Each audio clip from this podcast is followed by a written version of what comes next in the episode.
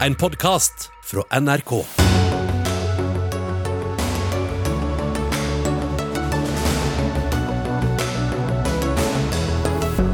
Det har vært mye kritikk mot politiets forhold til Norsk Narkotikapolitiforening. Nå skal det gjennomgås. Forbrukerrådet vil gjøre overvåkningsbasert markedsføring på nett ulovlig.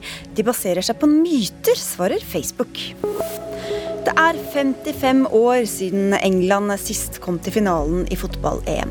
Men nå er sjansene større enn noen gang, tror, eller skal vi si håper, VGs kommentator. Og ja. Velkommen til Dagsnytt 18, hvor vi i tillegg skal snakke om både fotball eh, og eh, det sa jeg, ja, og Haiti, og om eh, valgomater. Mitt navn er Sigrid Solund. Ja, Samrøre, korrupsjon, uklare roller, det er noen av beskyldningene mot forholdet mellom politiet og den frivillige interesseorganisasjonen Norsk Narkotikapolitiforening.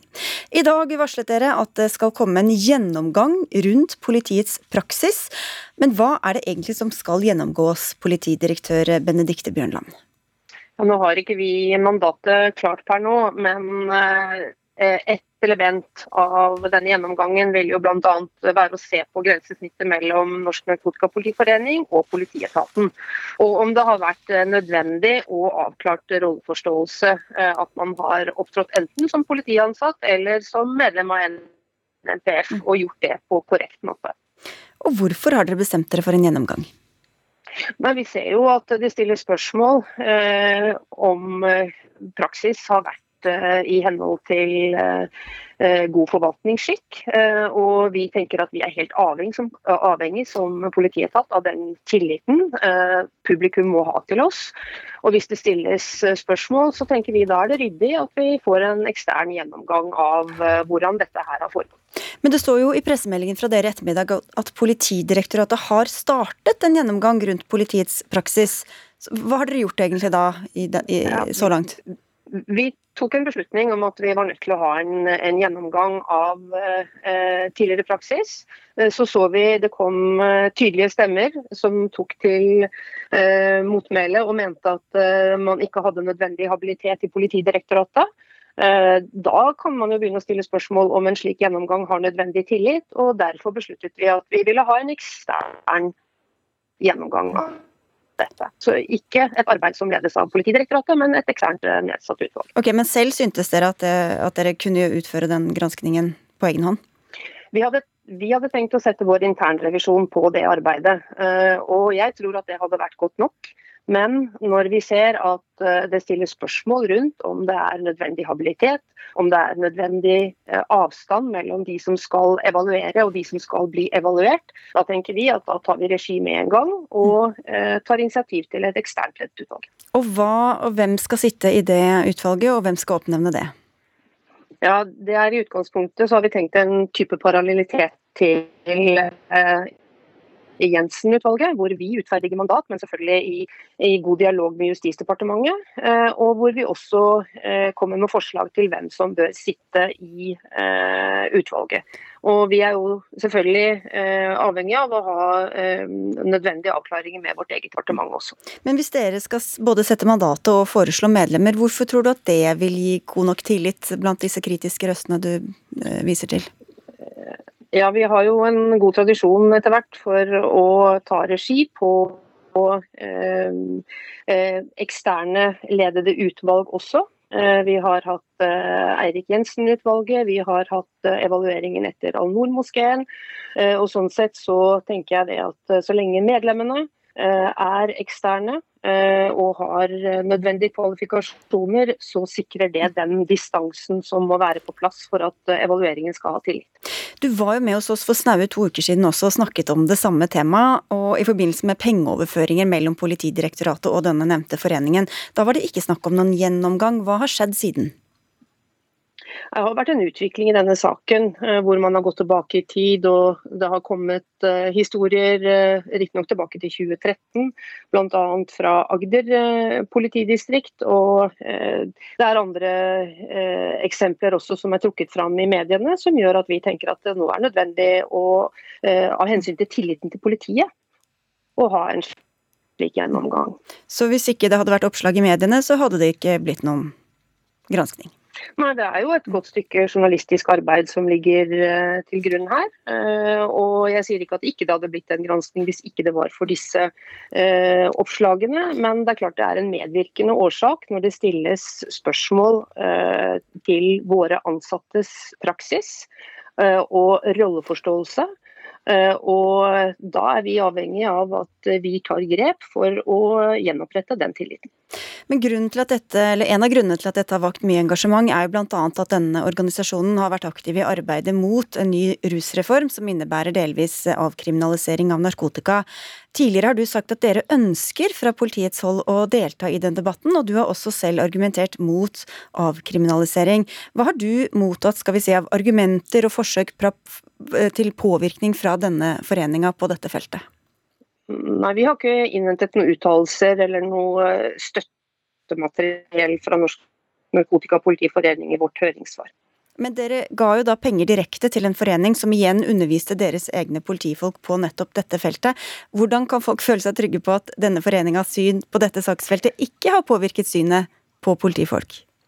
Nei, jeg tenker jo først og fremst det er viktig at den utdannelsen som har vært tilbudt fra Norsk Narkotikapolitiforening, har vært oppfattet som faglig relevant og av god kvalitet.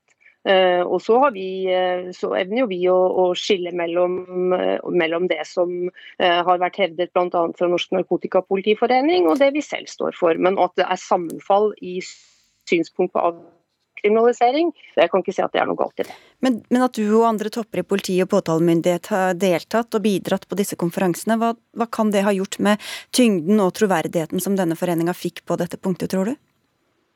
Altså, jeg er ikke medlem av Norsk Narkotikapolitiforening. Jeg har deltatt på en konferanse eh, og på en åpning av en konferanse. Og Det har vært tradisjon at eh, politidirektør og riksadvokat har vært invitert. Og Det har vært eh, en utdanningskonferanse med faglig relevant innhold. Jeg ser ikke noe galt i å ha deltatt der. Så det er ikke en del av denne mulige rolleblandingen eller konflikten? Nei, jeg vil jo ikke si det. Jeg har jo ikke hevdet uh, holdt Jeg på å si, jeg er ikke medlem av foreningen, så jeg kan på en måte ikke se hvordan det skulle vært noen rolleblanding for eget vedkommende. hvert fall. Du, blir Bli med oss litt videre. Du er med på, fra ferie på en uh, båt som seerne våre ser, men lytterne ikke får med seg. En som er medlem av denne Norsk Narkotikapolitiforening, og til og med nestleder, det er deg, Geir Evanger. Hva synes du om at det nå skal komme en gjennomgang? Nei, altså Vi er jo i likhet med politiet er opptatt av eh, det med rolleforståelse og det å, å skille politi og, og, det å være medlem og gjøre noe for NNPF. Det er vi svært eh, opptatt av i organisasjonen, både fra ledelsen og ut. Sånn at det at politiet, Politidirektoratet ser nærmere på dette med en ekstern gruppe, det syns jo vi er helt eh, greit. Vi mener at vi løser dette her på en bra måte, men vi er 3500 medlemmer. Og vi har ikke styr på alle til enhver tid, og at det gjøres feil, det tror jeg nok bare er sånn. Men det tror jeg er i beste mening når man har vært ute og kanskje eh, ikke opptrådt sånn som vi ønsker. Eh, men en, en, en gransking, det, det syns vi er helt, eh, helt, greit, helt uproblematisk. Ja, for Den store majoriteten av medlemmene deres er jo politifolk. og Når de da har opptrådt med uniform mens de har vært ute på oppdrag fra foreninga, hva sier det om hvor tydelig denne rolleforståelsen har vært? Nei, jeg vet ikke. Det er jo en påstand det om at de er ute i uniformen. Jeg har ikke, helt, jeg har, har ikke sett så altfor mange gode eksempler på det. Man har hatt ett eksempel fra Osterøy som, som, jeg er kjent med. Eh, men jeg er ikke kjent med at det er eh, det store gross som går i uniform. Snarere tvert imot. Man er ute med eh, T-skjorta vår med Brødøy på. Så jeg ikke, kjenner meg ikke igjen i at vi skal ha vært ute med politiuniform. Du er jo ikke bare nestleder i denne foreninga, du er også statsadvokat. Hvordan skal folk føle seg trygge på at ikke du og andre tar med seg synet fra denne foreninga inn i det arbeidet du gjør på jobben din, da? Ja, nei, altså jeg tar ikke Altså jeg, jeg, jeg er jo statsadvokat. Jeg jobber jo med det samme på jobben som jeg gjør i, i, foreningen. Og det er jo stort sett sammenfall mellom det jeg uh, gjør på jobb og det jeg gjør i, uh, i, foreningen. Så jeg tar ikke med meg noe som ikke, er, som ikke er bra eller uheldig fra foreningen. Snarere tvert imot. Jeg tar med meg enormt med kunnskap. Og det er veldig bra for oss statsadvokater å, å lære politiet på bakken å kjenne. De som er ute, de som gjør en jobb i gata, forebyggerne og de folka der som, som er helt glemt i diskusjonen. For oss er det utrolig lærerikt og kjempefint å ha det med. Så jeg vil si jeg henter, jeg henter kunnskap mer enn til å ta med meg noe som eventuelt skulle være usunt. Men hvorfor skal du ha så mange meninger om det som statsadvokat?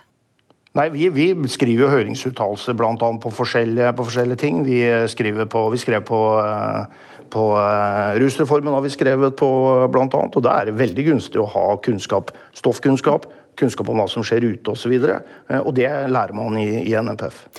Det er mange som har engasjert seg her. Anne Rokkan, du er kommentator i Bergens Tidende. Du skrev i går at citat, 'dette ligner korrupsjon'. Hvorfor har ingen arrestert politiet før? Nå ser det jo ut til at politiet, om ikke arresterer seg selv, så i hvert fall eh, skal ha en gjennomgang?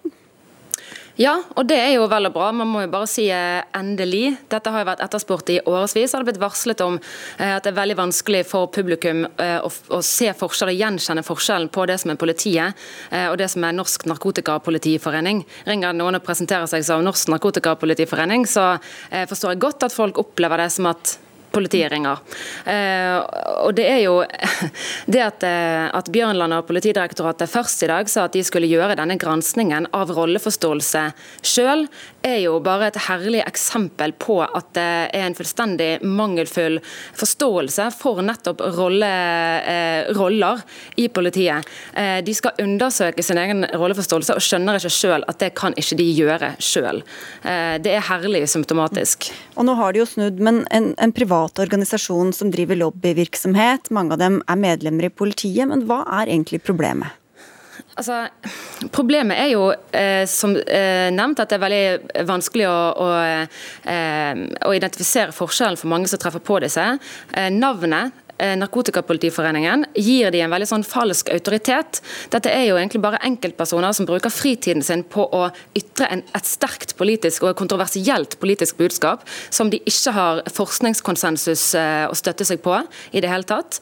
Eh, og så bruker de på en måte fritiden sin på dette, samtidig som går på jobb dagen etter og er statsadvokat, sånn som i Evengers tilfelle. Og når han selv nå sitter og sier at det går nesten ut på ett, det han gjør på jobben og det han gjør som, eh, som nestleder i NNPF, så er jo det ekstremt foruroligende. Dette er jo litt sånn som eh, Kanskje litt sånn som oss journalister. Selvfølgelig har vi også ytringsfrihet og organisasjonsfrihet på fritiden. Men det å bli journalist eller det å bli politi, det er også å takke ja til et ganske stort ansvar. Og man skal forvalte litt hvordan man engasjerer seg tydelig politisk, for at det ikke skal gå utover tilliten man nyter i befolkningen. For den skal man passe nøye på. Evanger. Ja, altså jeg vet ikke helt hvor, hvor alle påstandene kommer fra, men det er litt, det er litt sånn det har blitt, syns jeg. At Hvilke man kommer med masse, massevis av eh, Ja, at man ikke hører forskjell når, når Norsk Narkotikapolitiforening ringer. Men det fikk vi et eksempel på nå, i saken fra Arendal. Ja, nå må du vel ikke Det nytter jo ikke å snakke hvis du skal avbryte meg. Uh, hvis, hvis, man ikke forstår forskjellen på Norsk Narkotikapolitiforening når foreningen ringer og, og, politiet, det har jeg store problemer med å tro på. Og når vi kommer med våre, våre T-skjorter uh, ute på arrangementer, så ser du forskjell på politiet og oss. Så jeg, jeg synes det, det, det, er, sånn det har blitt. Massevis av mer eller mindre generelle påstander som egentlig ikke har noe særlig god forankring i virkeligheten. altså. Men Vi fikk jo et eksempel på det nå denne uken med denne restauranteieren i Arendal, som selv sa det at eh, når det var Norsk Narkotikapolitiforening som foreslo å henge opp en plakett med et politisk propaganda i restauranten deres, så var det absolutt den autoriteten som fulgte med ordet politi, som fikk de til å gjøre det. Så Det er et ekte eksempel, og ikke en påstand. Ja. Men ok, Nei, og, ja, Evanger, svar på det, så har jeg også et spørsmål. Ja, ja, svært noe, for det er jo et usedvanlig godt eksempel. Der treffer man. Det er faktum. Det der rydder vi opp i. Mm. Og så vil jeg gjerne ha flere eksempler. For det er det ene. Og så har du postadresser hos politiet. Og så er det utdanningskonferansen, som i mine øyne tillater meg å si rett og slett er et feilspor. Så flere av den, Råkan, så, så blir, det, blir, det, mer mat eh, men, for oss. Ok, men et annet punkt her, da. Du talte Riksadvokaten midt imot da han sendte ut en klargjøring av praksis knyttet til ransaking av personer siktet for bruk og besittelse av mindre doser narkotika. Da sa du at politiet har fortsatt full adgang til å ransake personer ved mistanke om bruk, og både husvære og mobiltelefon vil etter omstendigheten også kunne ransakes. Hvem var du da? Jeg stilte i eh, den åpne høringen som statsadvokat, eh, og eh, snakka på vegne av det nasjonale statsadvokatembetet. Ingen tvil om det. Mot Riksadvokaten? Nei, Jeg eh, ga uttrykk for, for det vi oppfatter var, eh, var, gjeldende rett. Men jeg ønsker ikke å det, det, er liksom, det er jobben, og det er noe annet enn det som er diskusjonen nå. Eh, så, så jeg vil gjerne at vi bare holder oss på NNPF-sida okay. nå, for det er en annen diskusjon enn andre. Men til det Rokkan sier, Bjørnland, om navnet. Da du var med her sist, så sa du at du ikke hadde noen mening om hvilket navn de har. Er det fortsatt din holdning? Altså, Jeg kan ikke bestemme hva Norsk Narkotikapolitiforening skal hete. Men uh, jeg tenker jo at uh, det er naturlig å i en dialog med Norsk Narkotikapolitiforening og, og høre med de, er dette, gitt den utviklingen denne saken har hatt, er dette navnet man bør ha i fremtiden. Og så må de selv bestemme. Ok, Men du skulle kanskje ønske at de het noe annet?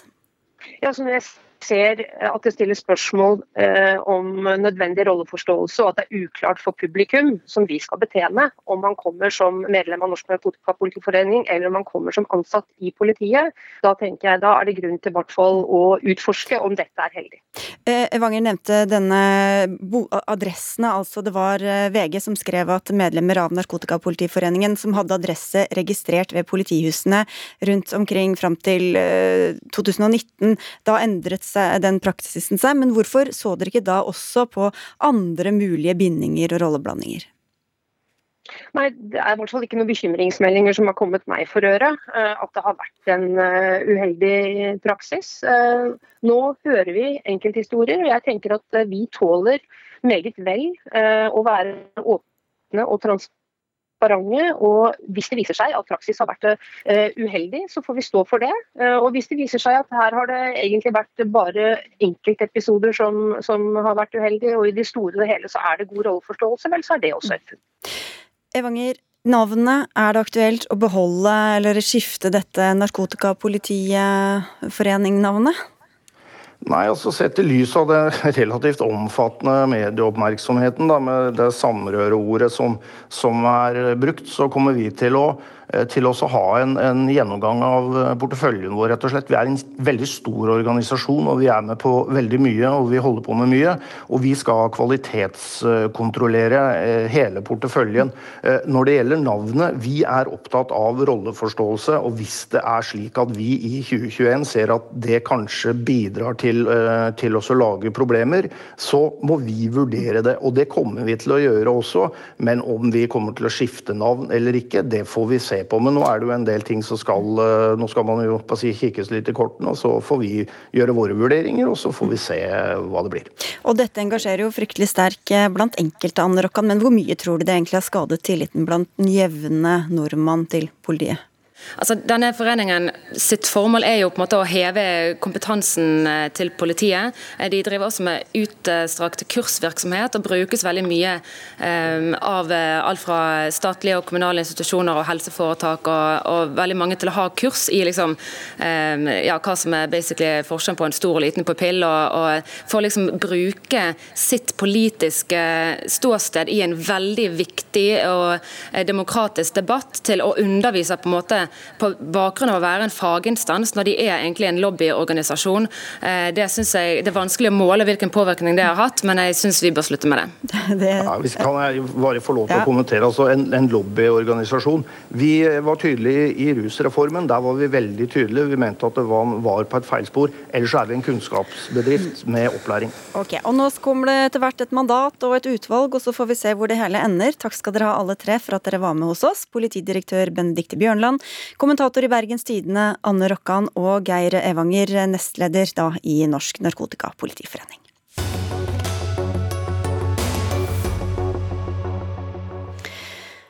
Har du lurt på hvorfor Facebook iblant ser ut til å vite akkurat hva du ønsker deg av nye bukser eller verktøy? Kanskje ligger svaret i det dere kaller overvåkningsbasert markedsføring, Inger-Lise Blyverket. Du er direktør i Forbrukerrådet. Vi blir utsatt for manipulasjon, svindel, diskriminering og personvernbrudd, sier dere. Hva er det som ligger i dette begrepet dere viser til, da? Overvåkningsbasert markedsføring? Det er i grunnen alt det som eh, skjer på nettet og når vi bruker digitale tjenester. Eh, vi blir overvåket, informasjon informasjonen om oss blir sammenstilt, den blir solgt videre på globale reklamebørser. Vi blir sporet, vi blir loggført, og det blir etablert digitale profiler om oss som kan brukes til både å manipulere og, og diskriminere. Og selvfølgelig så hindrer det også konkurranse i stort. Hva er det som er så skadelig i dette at dere vil forby det? Det er helt åpenbart at det er et brudd på både våre grunnleggende forbrukerrettigheter og våre personvernrettigheter. Eh, det er det ingen tvil om, og det har vi jo rett til, et, et privatliv. I tillegg så er det også sånn at Eh, man blir manipulert eh, til å f.eks. Eh, kjøpe ting eller knytte seg til tjenester når man er på sitt mest sårbare. Det er også slik at Vi har mange eksempler på at man blir diskriminert, i betydningen f.eks. ekskludert fra ulike tjenester, eller at man må betale mer for dem, fordi annonsørene får kjennskap til svært, svært detaljerte opplysninger om en. Rune Paulseth, du er norgessjef i Facebook, og dere rykket ut i VG og reagerte på dette forslaget. Jeg må bare nevne at Gjennom årene har vi invitert dere til mange debatter uten at dere ville stille opp, men denne saken ønsker dere altså å diskutere, og det er vi jo glad for. Hvorfor reagerer dere på Forbrukerrådets forslag? Eh, nei, altså Vi kjenner oss ikke igjen i den fremstillingen som eh, Forbrukerrådet setter. Eh, når det er sagt, så ønsker vi debatten velkommen. Vi setter personvernet veldig høyt i Facebook, og vi er opptatt av at den debatten fortsetter. Det vi reagerer på er mer eller mindre ordbruken og det faktum at ikke vi ikke kjenner oss igjen i noen av disse konsekvensene som denne rapporten som Forbrukerrådet henviser til. Eh, vi har gjort eh, tiltak på alle disse punktene. Og vi mener også at dette, dette holder vann i forhold til at vi kommer til å få mer data framover, ikke mindre data. Men, men hva er feil? Det som er feil, er i utgangspunktet at vi, vi, kjører ikke annonsering som diskriminerer på kjønn eller alder eller andre type personkarakteristikker. Det er ikke lov. Eh, vi, har ikke, vi kjører desinformasjon. Over 99% av det vi eh, får fram, og særlig gjennom annonsering. Det tas bort før det kommer ut på plattformen. Eh, når vi snakker om sikkerhetsrisiko og personvern, så er det helt fremst i hva vi gjør. Vi har 2,7 milliarder brukere på plattformen, 3,5 millioner i Norge. Og Hvis ikke vi har den tilliten hos forbrukeren og brukeren av plattformen, så hadde de heller ikke kommet tilbake. Men Blyverket, for å prøve å gjøre det litt mer håndterlig her, holdt jeg på å gi et eksempel på hvordan dette kan diskriminere eller bryte personvernrettigheter. Men det er jo faktisk sånn at du, alt du gjør, altså hvor du beveger deg med mobiltelefonen din, hva du kjøper, din fysiske og psykiske helse, din seksuelle orientering og ditt politiske ståsted, blir samlet sammen og loggført og solgt videre, slik at du kan nås med reklame når du er på ditt mest sårbare. F.eks. eksempel så vil annonsører kunne vite at du er sårbar for å gamble f.eks. Og vi har lang rekke eksempler på at man f.eks.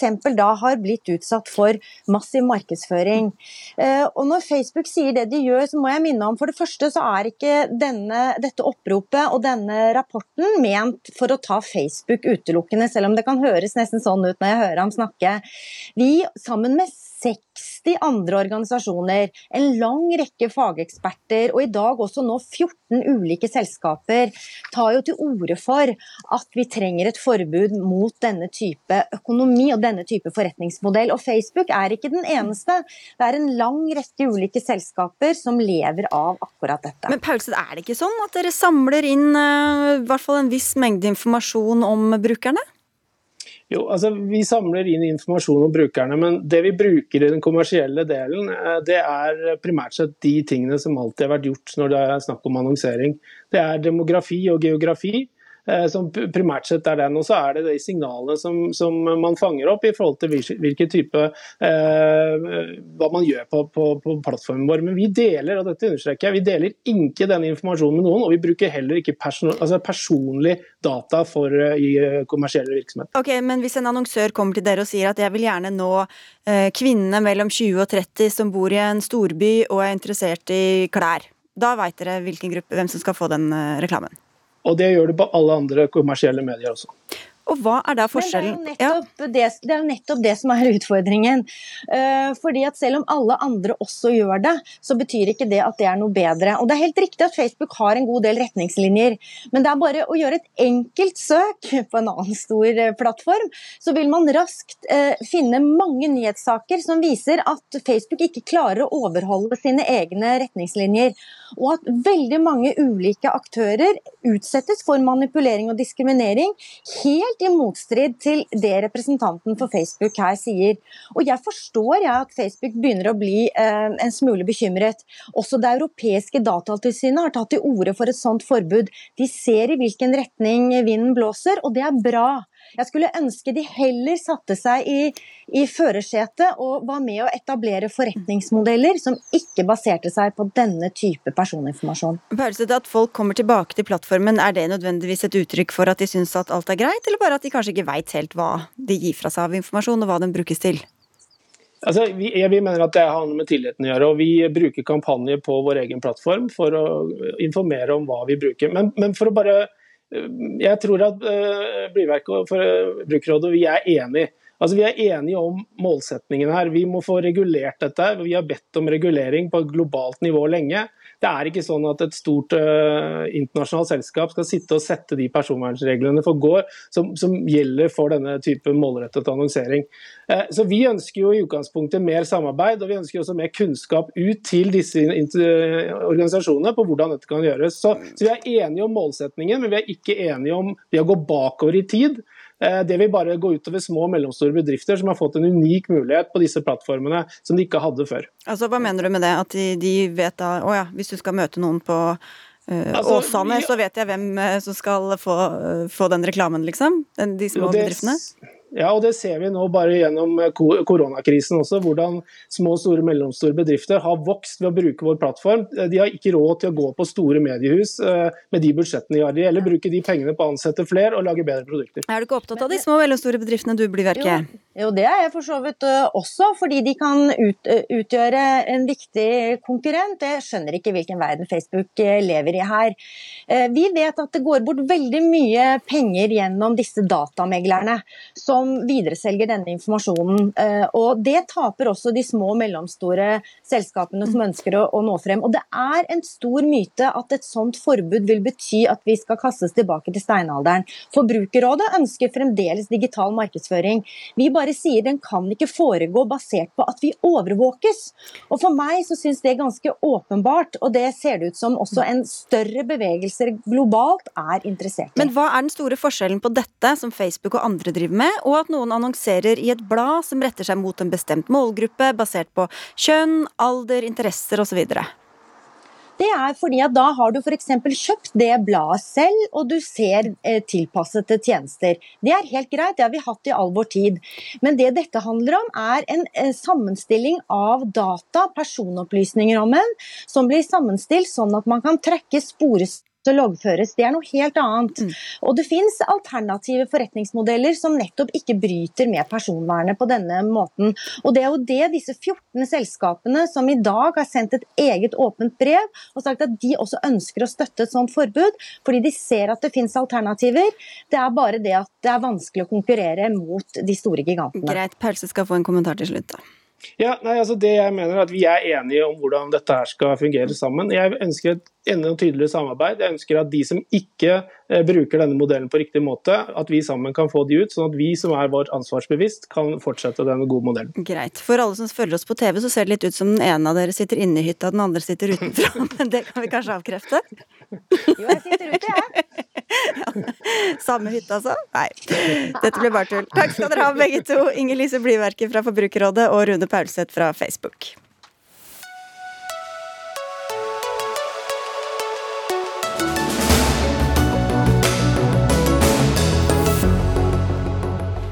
Fleste som har gått i norske skoger, har kommet over store felt der alle trærne er hugget. 90% av hogsten i Norge er såkalt flatehogst, der store skogarealer hugges for så å plante nytt. Denne metoden kan nå bli forbudt dersom EU-kommisjonen får det som den vil. Metoden er allerede forbudt i flere områder av Tyskland og Østerrike. Men dere vil ikke vite av noe forbud, Nils Bøhn, direktør i Norges Skogeierforbund. Hvorfor ikke, egentlig? Nei, Vi bruker plukkoks, som du sa, på 10-15 av arealet. Da gjør vi det på Plukkoks, det er altså en annen måte å gjøre det på. Ja. Ja. Uh, og da, da, bruker vi og Det gjelder f.eks. edelavskog, som det er veldig mye vanlig skog på kontinentet. Det gjelder myr- og sumpskoger, og det gjelder mye opp mot fjellet og en del andre arealer hvor det er spesielle grunner til det. Men da er det faglig grunn for å gjøre det. Uh, mens vi, og så er vi i en situasjon i Norge at, eh, og i Sverige og Finland at vi har en annen type skog enn mye av det som er i Tyskland. Vi har mye furuskoger. Den er lyskrevende. Eh, du får ikke opp ny skog hvis du plukker enkelttrær. Eh, da vil de ikke spire, det vil ikke komme opp nye, nye, trær etter at det er vokst. Og Det er en veldig viktig del av et bærekraftig skogbruk. Og det er litt av det samme på gran. Den er mer skyggetårnet, der kan du i større grad bruke det. Men også der er det store begrensninger i hvor, hvor, du kan bruke det, og samtidig få en god foryngelse. Ok, Så for at det skal komme opp nye trær, eh, så må man hugge store arealer? Så må man ha lys på de trærne, og da kan du ikke drive med plukkhogst. Gjermund Andersen, leder av Naturvernforbundets skogutvalg og forfatter av boka Nytt skogbruk. Hva sier du til disse tonene fra Europa? Jeg syns det er kjempeflott at politikerne i Europa virkelig engasjerer seg i skog og skogbruk. Eh, I motsetning til hva politikerne her i Norge gjør. Her har man overlatt det meste til næringen, som får lov å styre skogbruket som de vil.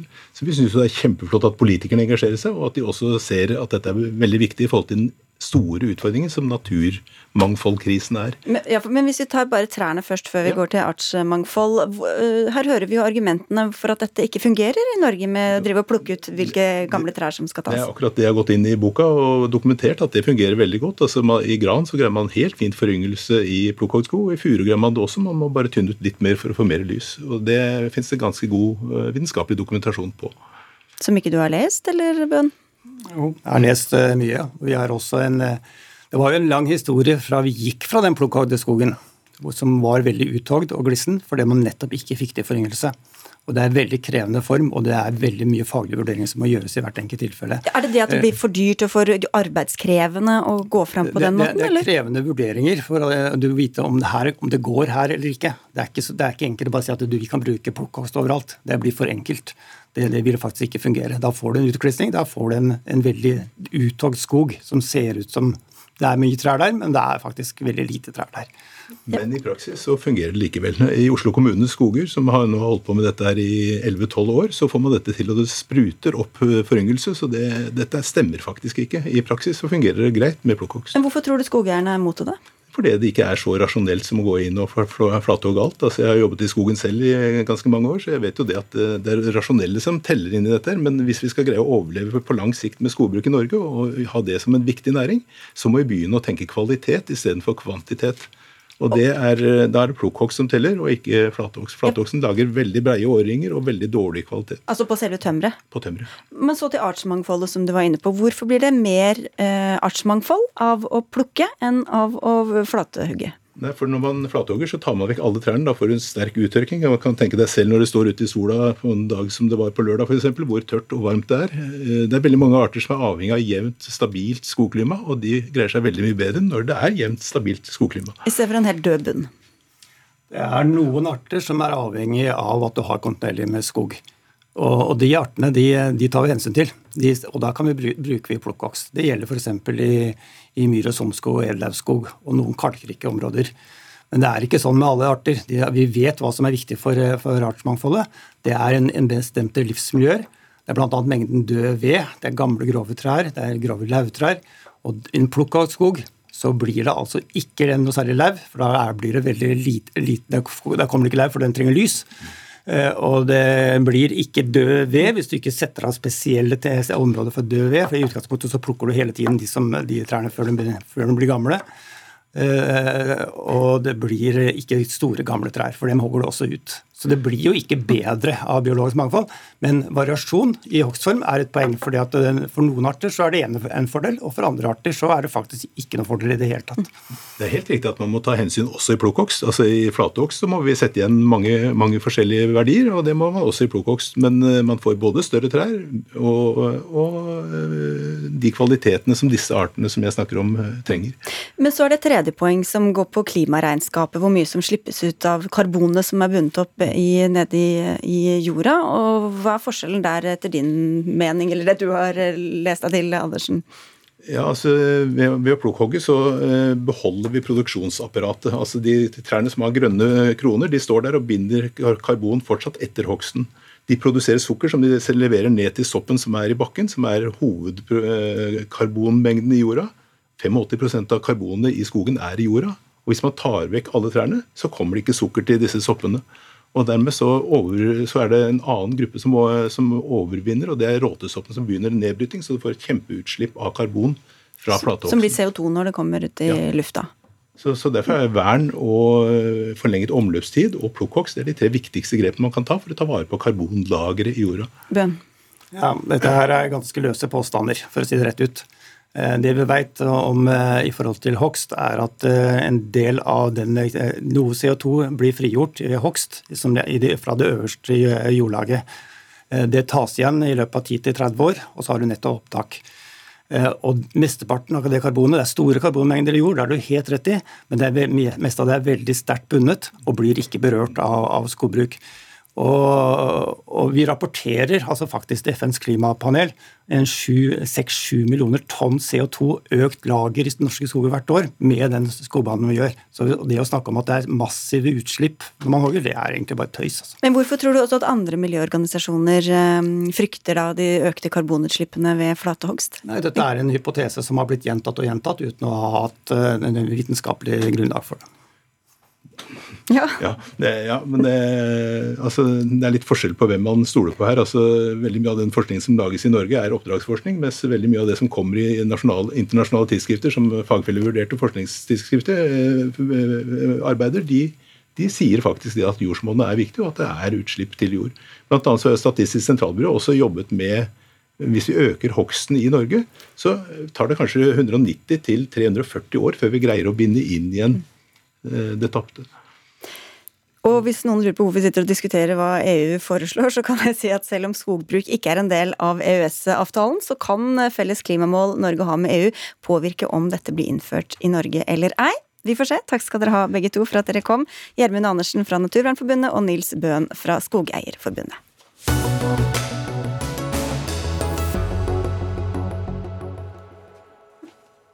Nå til Haiti, der det nettopp er erklært unntakstilstand. Årsaken er at Haitis president Jovenel Moise ble drept hjemme hos seg selv i natt. Marianne Tøråsen, du er doktorgradsstipendiat ved Christian Michelsens institutt i Bergen, og forsker egentlig på kvinnelige dommere i Haiti, men du har vært der mye og kjenner den politiske situasjonen ellers også. Hva er det som har skjedd nå? Ja, Som du nevner, så ble president eh, Jovenel Moise eh, skutt og drept eh, av ukjente gjerningsmenn i sitt eget hjem i Haitis hovedstad Port-au-Prince i natt. Og hans kone ble også alvorlig skadet i angrepet. Så selv om vært, Politikken på Haiti har vært preget av mye, mye vold, kupp og kuppforsøk, så er dette første gang siden 1915 at en sittende president har blitt drept. Så dette er både eh, svært tragisk og sjokkerende.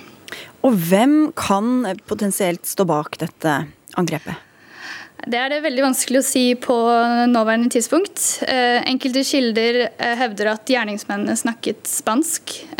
Så dette tyder jo på at det kan være snakk om innleide gjerningsmenn. Kanskje fra andre latinamerikanske land. Um, men um, det spekuleres også i hvordan de kan ha kommet seg forbi uh, de mange sikkerhetsvaktene som presidenten har rundt seg til enhver tid. Mm.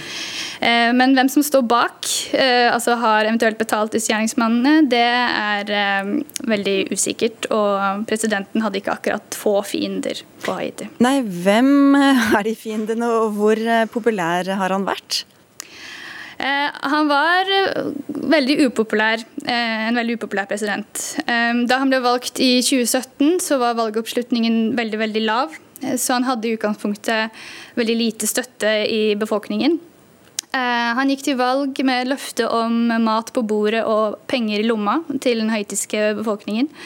Men levekårene har bare blitt verre under hans styre. Og han ble for alvor upopulær i 2018, da han ble involvert i en, i en korrupsjonsskandale som førte til eh, kraftige demonstrasjoner og eh, krav om at han eh, måtte gå. Men, eh, men Moise har hele tiden erklært sin eh, uskyld. Det er sikkert mange som husker jordskjelvet som rammet landet i 2010. Over 200 000 mennesker omkom. Hvordan har det preget samfunnet siden? Mange vil si at eh, Haiti aldri kom seg etter jordskjelvet. Eh, det internasjonale samfunnet spyttet inn eh, flere milliarder dollar i gjenoppbyggingsarbeidet. Men donorer har fått kritikk for å ikke ha involvert haiterne selv i dette gjenoppbyggingsarbeidet. Og mange av pengene er også sporløst forsvunnet. Så hvis man kjører rundt i, i hovedstaden i dag, så vil man fortsatt se mange, mange eh, raste bygninger. Ja, hvor har alle pengene tatt veien? Hvem vet? Men hvordan er den politiske situasjonen på, på Haiti nå, da? Eh, den er, altså Ifølge de jeg har snakket med, så er gatene eh, tomme. Eh, folk eh, forholder seg i ro fram til de vet mer hva som har skjedd. Eh, flyplassen i Port-au-Prince er for øyeblikket stengt, og det samme er, eh, er grensen til Den dominikanske republikk. så er veldig, stemningen er veldig anspent, kan man si. Takk skal du ha for at du var med i Dagsnytt 18, Marianne Tøråsen. Du er altså doktorgradsstipendiat ved Christian Michelsens institutt.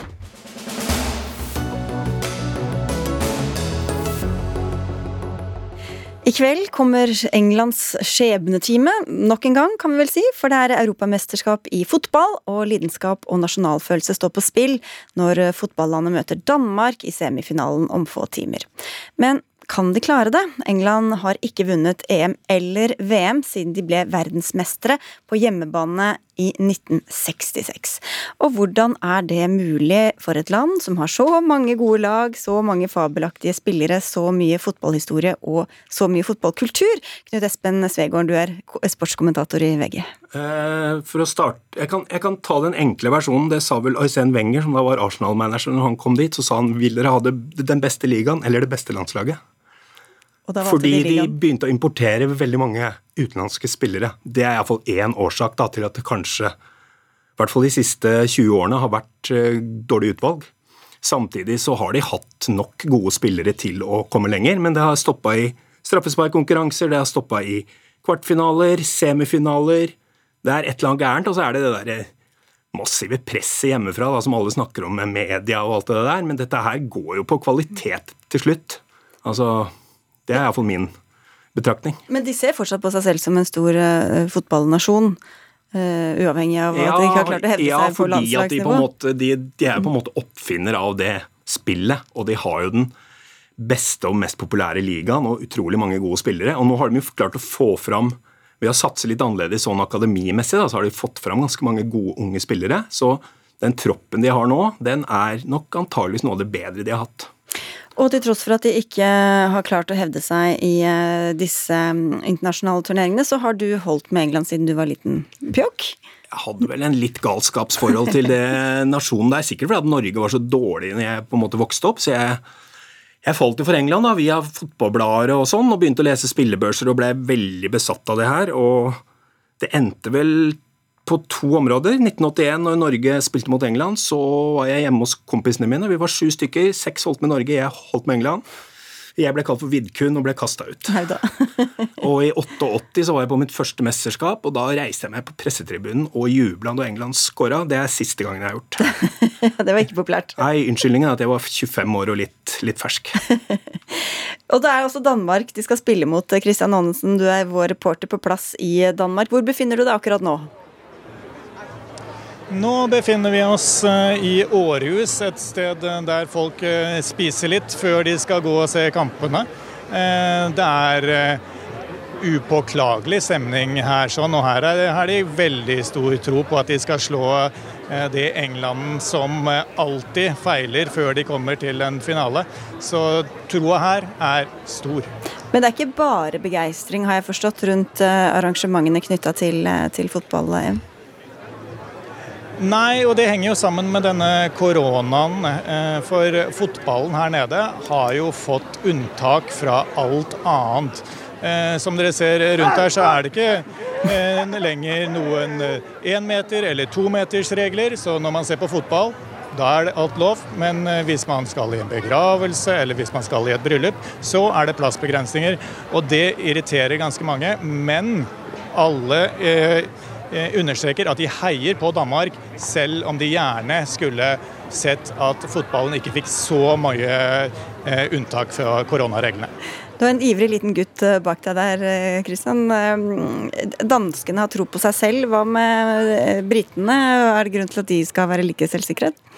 De er jo favoritter, da. De spiller jo hjemme. Det er jo De gangene de har kommet langt, så har det jo stort sett vært på hjemmebane. 66 96, og nå er det jo på en måte en hjemmemesterskap. Selv om, ikke, selv om de har spilt én kamp i eh, Roma, så er det jo stort sett hjemmebane. Det er de tre gangene de har på en måte gjort noe, da. I tillegg til eh, VM sist. Så, så sjansen er vel kanskje større til å komme til en finale nå sånn spiller for spiller enn det kanskje har vært noen gang. Ja, for Du sa de har satsa litt uh, ungt og friskt på, på landslaget også? Ja, altså de har, og Offensivt så har de veldig mange spillere de kan ta. De kan komponere det laget der på tre områder, egentlig. Altså de, kan, de, de har egentlig ni mann som kan liksom spille de tre øverste rollene. Så de, de har veldig godt utvalg. Uh, slipper ikke inn mål. Uh, bør, bør jo klare det, men danskene har vært såpass gode og har jo veldig mye sympati pga. det med Eriksen osv. Så, videre. så folkets favoritt er nok at danskene kommer til en finale, for det, liksom, det skal rettferdiggjøre det helvete som skjedde. da. Og Britene spiller jo på hjemmebane, Christian Aansen. Og det har vel også vært litt vanskelig, vrient for dansker å, å reise for å se på kampen? Ja, det har det. Og jeg tror nok eh, de aller fleste her skulle ønske at de heller var eh, i London og fikk lov til å se kampen. Eh, det er jo innreiseforbud, eller vil si at du må stå i en karantene ti dager hvis du kommer til Storbritannia. Så det er kun dansker som bor i Storbritannia som kommer til å være på Wembley. Det er rundt 8000 mennesker til tross for at eh, utenriksministeren her nede prøvde å legge press på Boris Johnson for å lette på innreisereglene, men han fikk ikke det igjennom. Så da blir det storskjermer. Eh, her i Århus er det satt opp flere steder der opptil 8000 mennesker samles for å se kampen, som starter om noen timer. Men at det er flest eh, engelskmenn på tribunen, det kanskje bidrar også i positiv retning for England? Det er ikke alltid det gjør det, men det bør gjøre det.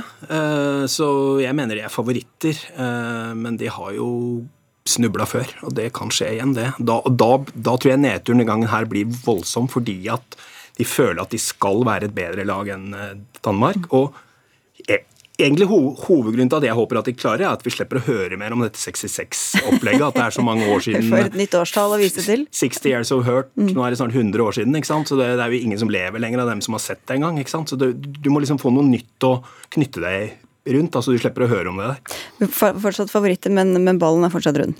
Veldig rund i, i kveld. Det kan komme en utvisning. Det kan ødelegge hele opplegget til begge managerne det, så det er helt åpent. Vi vet først i seint i kveld hvordan det har gått. Takk skal dere ha begge to. Knut Espen Svegården, sportskommentator i VG, og vår egen Christian Aanensen.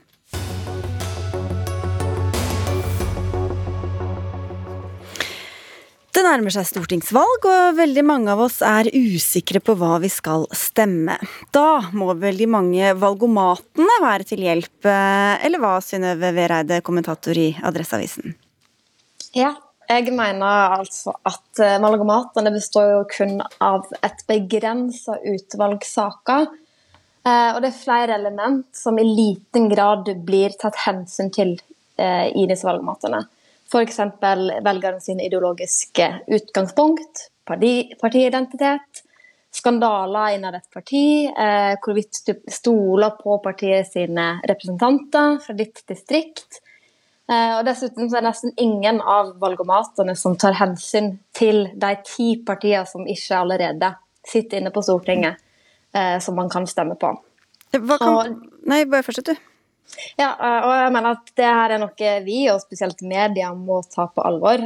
For valgomatene er ikke lenger bare underholdning. Det er et instrument som påvirker demokratiske prosesser. Og hva kan da være dumt ved å, å nærme seg en valgomat og med nysgjerrighet og se at oi, ja, det var et annet parti, kanskje jeg skal stemme på det i stedet for? Det er ikke dumt, men media må på en måte være bevisst på den makta man har når man utformer spørsmålet og lager denne valgomaten. fordi hvis folk da endrer eh, mening om hvilket parti de skal stemme på, så er det ganske seriøst. Og det er ikke alle valgomatene som eh, virker like seriøst utforma. Og har brukt like god tid på å lage, virker det som. Marius Zetli, fagredaktør i NRK. Jeg vet at dere har brukt lang tid på å lage NRKs valgomat, men hvor trygge kan folk være på at det partiet de får opp som førstevalg, det er det partiet som passer best for dem? Vi har ikke noe mål om at dette skal være en fasit for hver enkelt bruker, men, men, men vårt mål med valgomaten det er å gi engasjement innsikt og kunnskap, slik at folk eh, også videre kan, eh, kan eh, undersøke, bli nysgjerrig og utforske partiene. Og så er det sånn at når man har tatt denne valgomaten, så kommer det prosent, et prosentvis resultat som viser hvilket parti som stemmer mest overens med de svarene som brukerne har gitt. Men, men, men, men vi tar på alvor nettopp det, det som blir sagt her, at dette er ikke noe underholdning. Dette tar vi ikke lettvint på. Så så, eh, så, vi har gjort et systematisk og grundig arbeid når vi har laga valgomaten. Og det er jo ikke sånn at det er lovpålagt å gå og stemme på det partiet som kommer øverst, vil jeg det? Nei, det er det ikke. Og jeg kan presisere at NRK sin valgomat er ikke blant de verste. Det, ja, jeg kan eh, bl.a. si at både Dagbladet og Nettavisa sine valgomater er ja, mindre seriøse enn NRK sin. Mm. Men eh, tall viser at én av fire lar seg påvirke av valgomatene, og én av tre blant unge. Så det er noe folk blir påvirka av. Det er det. Vi skal eh, få med en som kan mer om dette straks, men bare for å ta noen av og bare for å ha sagt det, så har vi vært i kontakt med mange fra Dagbladet. Ingen av dem takket ja til å komme til oss. Men Tetle, du kan jo svare på NRKs valgomat, da. Hvorfor eh, ikke ta mer hensyn til ideologi, f.eks., eller hvilket parti man identifiserer seg med? Eh, det er sånn at i, i, vår valgomat så er det en beskrivelse av hvert parti som kommer opp eh, når man har fått et resultat. Da står det f.eks. om Arbeiderpartiet at de mener at staten skal ha, ha mye makt, og at markedet skal, må begrenses for å sikre samfunnet rettferdig og gi like muligheter for alle. Mens for Høyre så er det en annen type beskrivelse, at det er et, eh, et liberalt, konservativt parti eh, som ønsker stor frihet og lavere skatter. Eh, slik at eh, det er ikke et fravær av ideologi i disse valgomatene kandidatene. Eh, og vi mener jo også det at man kan få opp partienes eh, ulike, ulike svar på påstandene, eh, gjør at man kan ta, kan ta hensyn og vekte nemlig partitilhørigheter underveis når man tar valgomaten. Og så nevnte du hvilken partiledelse man liker, eller hvilke skandaler partiet har hatt, Vereide, men mener du at det er ting som burde vært med i en valgomat, hvor man blir minnet om ulike oppslag om en partileder, f.eks.? Ikke nødvendigvis, men man burde kanskje få en påminnelse eh, på slutten av en valgomat om at det man får opp der som førstevalg, ikke nødvendigvis er fasiten. Og oppfordre velgerne til å ta et fullstendig og reflektert valg. Vi, vi, oppfordrer definitivt folk eh, for det første til å, å, å gå til stemmeurnene, enten, eh, enten, på forhånd eller 13.9. Så hele poenget med denne valgomaten er å stimulere til å delta i demokratiet, til å ta standpunkt. Og, eh, og, og vi, men vi tar virkelig på alvor det som blir sagt her, at vi ikke skal presentere en fasit. og Derfor gir vi også disse, denne prosentandelen, slik at man også kan finne ut f.eks.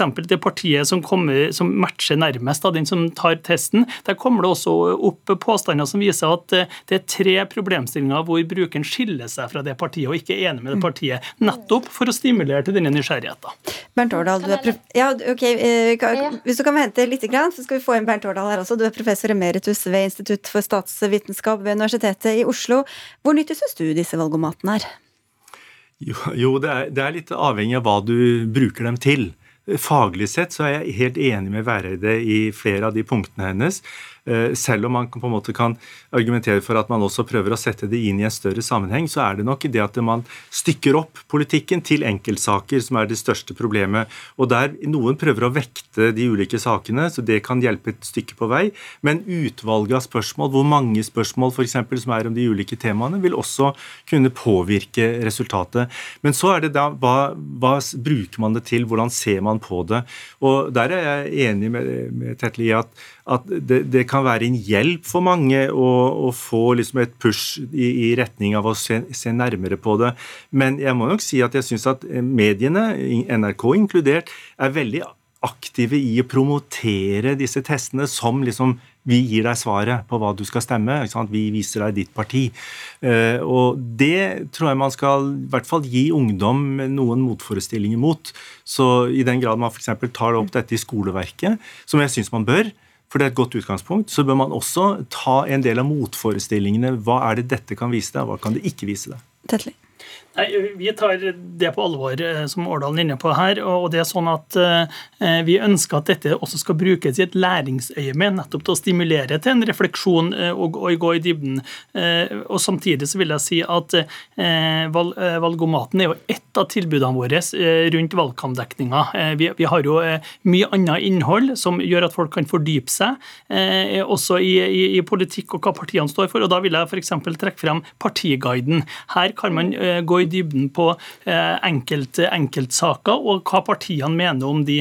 Eh, slik at eh, Man må se litt det totale utbudet av, av innhold og journalistikk som NRK presenterer. Og så det jo, skal det være litt underholdende også, kanskje, Vereide. Hvis man skal ha et så altså, Alternativet er jo å ha 350 spørsmål om hver enkelt politikkområde, og da er det kanskje ikke så mange som orker å bli helt til slutt? Nei, det kan man jo ikke ha. Eh, men en av mine kritikker mot NRK er jo at i motsetning til en del andre mediehus, så får man ikke mulighet til å vektlegge sine hjertesaker. Det vil si at mine helt vilkårlige svar om f.eks. ferjefri E39, søndagsåpne butikker, blir vektlagt like sterkt som mitt engasjement for en samtykkelov. Ikke sant. Jeg skal tette litt svar på det. Ja, det, eh, Man må gjøre noen avveininger noen avgrensninger når man lager en sånn valgomat. Og vi har ikke valgt eh, å, å gå, gå, for en vekting av hjertesaker, men vi har valgt eh, å gå for en løsning eh, sammen med statsvitenskapelige miljøer eh, for de store problemstillingene og det vi mener de store politiske spørsmålene, slik at man får danna seg et overordna bilde om de, om de, viktigste politiske sakene. Fordi Det vil jo også være et problem, eller en utfordring å, å finne finne ut hvor, i hvor stor grad skal man vekte de ulike hjertesakene opp mot andre saker. Det vil det alltid være, være dilemmaer rundt.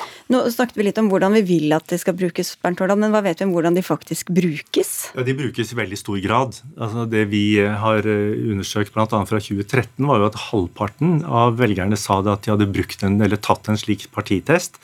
Og av de så var det ca. en tredjedel som sa at det hadde hatt en viss betydning for stemmegivningen. Så det er klart at det har en, en, en, viss effekt, og vi ser også at særlig ungdom bruker det mer enn eldre. Og det er jo på en måte naturlig, fordi at de vet minst om partiene. Når vi spør hvorfor ungdom ikke stemmer, så sier de ofte vi vet ikke nok om partiene. Så de er jo sultne på å få vite mer. Og det kan disse partitestene et stykke på vei bidra med, men det som er kanskje utfordringen, er at de har heller ikke liksom motforestillingene. Hva er problemet? Problemet liksom, med dette. Eh, så et politisk standpunkt er ikke nødvendigvis summen av en rekke enkeltstående holdninger. Det er også dette totale bildet. Mm. Og her er det jo ikke bare partitestene som man kan gå i seg selv etter, også medienes dekning av politikk.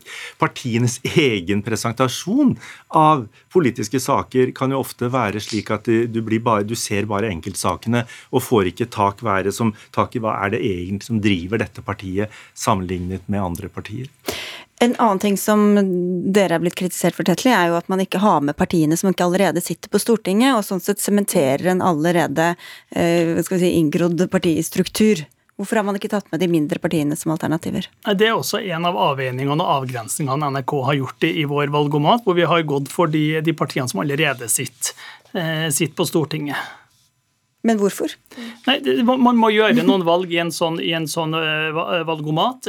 Og det er jo det er en rekke partier som stiller lister til stortingsvalget. Det er en rekke lokale lister, det er ensakspartier. Det, det må alltid gjøres noen avgrensninger, og det er noen dilemmaer rundt det. Det er ikke noe tvil om. Men hvis man tar alle valgomatene, Bernt Årdal, og så får man opp det samme på alle, så er man kanskje, har man en god pekepinn i hvert fall? ja, altså Man kan få noen overraskende resultater nettopp av det vi har snakket om nå. Eh, så det er klart at Hvis du da tar den ene testen etter den andre med veldig mange spørsmål, så kan du få en indikasjon. Men, men jeg synes at en del av de spørsmålene altså Hvis jeg kritiserer utvalget av spørsmål, så er, det, ja. Så er, det, det at man i for liten grad har mer generelle spørsmål. Altså nettopp av mer samfunnssyn. At det blir veldig konkrete eh, saker, enkeltsaker. Ok, Så alle må fortsatt eh, høre på Politisk kvarter og Dagsnytt 18 og lese nrk.no, Adresseavisa og alt som er. Takk skal dere ha, alle tre. Dag Dørum, Eli Kyrkjebø og jeg, Sigrid Solund, takker for følget.